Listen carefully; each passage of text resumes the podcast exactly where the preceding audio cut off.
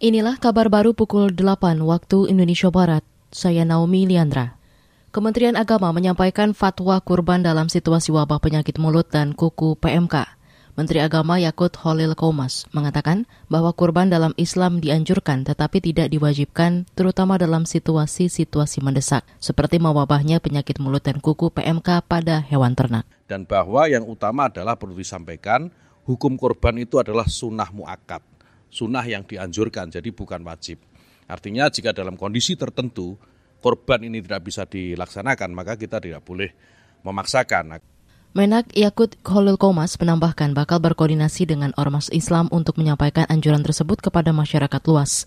Ia juga mengimbau agar masyarakat tetap mengikuti aturan yang telah ditetapkan oleh Satuan Tugas PMK maupun pihak-pihak lain yang berkepentingan dalam penanganan PMK. Saudara, pemerintah memastikan akan menyiapkan 29 juta dosis vaksin dan memberikan ganti rugi 10 juta rupiah per sapi yang dimusnahkan akibat tertular PMK.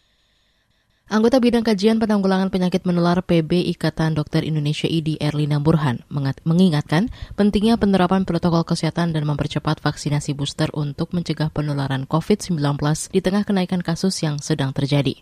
Terlebih, kata dia, saat ini capaian vaksinasi booster masih rendah.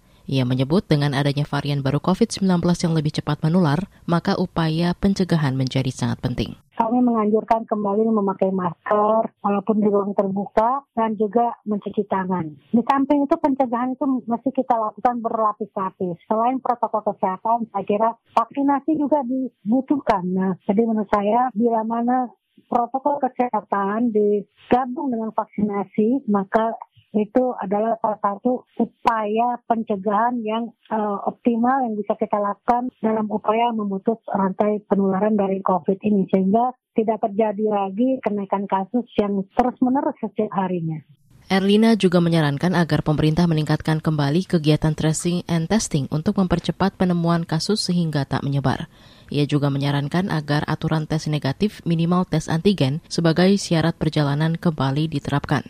Dia juga berharap pemerintah dapat memutuskan kapan harus kembali memperlakukan pengetatan PPKM sesuai indikator yang ditetapkan.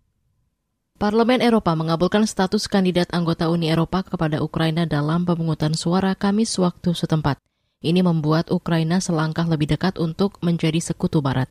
Melansir VOA, suara yang mendukung Ukraina sebanyak 529 lawan 45 dengan 14 suara abstain. Ketua Parlemen Ukraina Rusian Stefanuk berterima kasih pada para anggota Parlemen Eropa atas dukungan mereka. Presiden Komisi Eropa Ursula von der Leyen mengatakan Ukraina sudah mengimplementasikan sekitar 70 persen peraturan, norma, dan standar Uni Eropa. Dewan Eropa yang terdiri dari kepala pemerintahan 27 negara akan menggelar pemungutan suara akhir atas permohonan keanggotaan Ukraina. Demikian kabar baru KBR, saya Naomi Liandra.